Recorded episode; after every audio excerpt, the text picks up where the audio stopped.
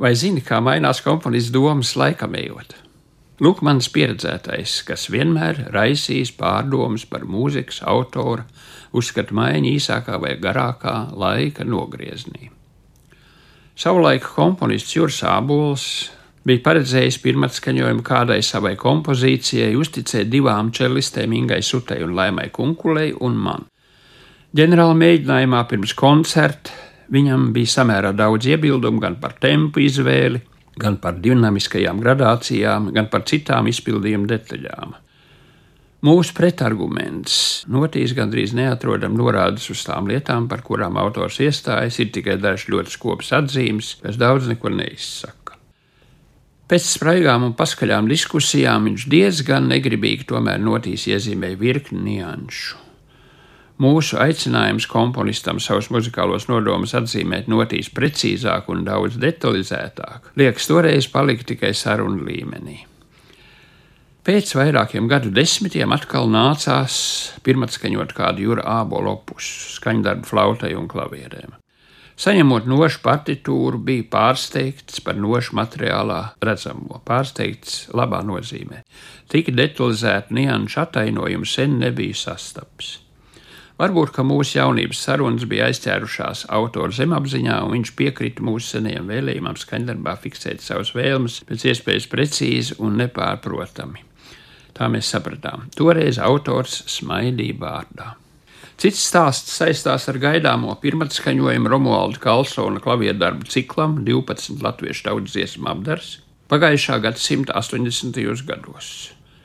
Komponists bija daļēji nemierā ar maniem izvēlētajiem ātriem tempiem, aicinājis stingri pieturēties pie notīs fiksētajām metronomiskajām atzīmēm.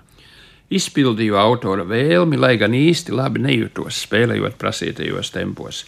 Pie šī opus atgriezos pēc gadiem desmit, atskaņojot ciklu lielāko daļu. Sevišķi man patīk izpausties ātrajās miniatūrās, savos, kā man likās, pareizajos tempos. Biju jau mazliet piemirsts par komponistu agrāk izteikto strikto vēlmi pēc precīziem tempiem. Pēc koncerta ieraudzīja nākamā smaidošu Romualdu Kalsonu, kurš spiežot roku piebilda: Nu, ir atrasti īstie tempi. Kad savulaik gatavoja atskaņošanai kādu trimdas komponistu Arnoldu Šturmu diezgan senu opusu. Man nelika miera viena otra vieta viņa kompozīcijā. Šaubījos par pareizām notīm un dažām alterācijas zīmēm. Nodomāju, ka kļūdas radušās nošu pārrakstīšanas procesā. Zināju, ka notis no neskaidra manuskripta glīti pārrakstījusi komponista dzīves biedri, kurai nebija mūziķis izglītības. Arnolds Šturms, kurš savulaik gandrīz katru gadu brauc uz Latviju kādā klātbūtnes reizē, apsolījās kopā ar mani pārskatīt diskutablās vietas. Domāts darīts. Komponists pailgi pētīja attiecīgos nošu fragmentus un, kā man likās, samulsis jautāja: Kā tev pašam liekas, kā pareizi vajadzētu būt? Es secīgi izklāstīju savas versijas, un komponists teica, jā, taisni tā arī ir, es simtprocentīgi piekrītu visam. Jūtu tādu kā atvieglojumu sajūtas atblāzuma viņa sejā, un toreiz apzinājos, ka šis skaņdarbs no Arnolda Šturma atmiņas detaļās ir mazliet pagaisis. Nākuši taču klāt daudz jauni opusi.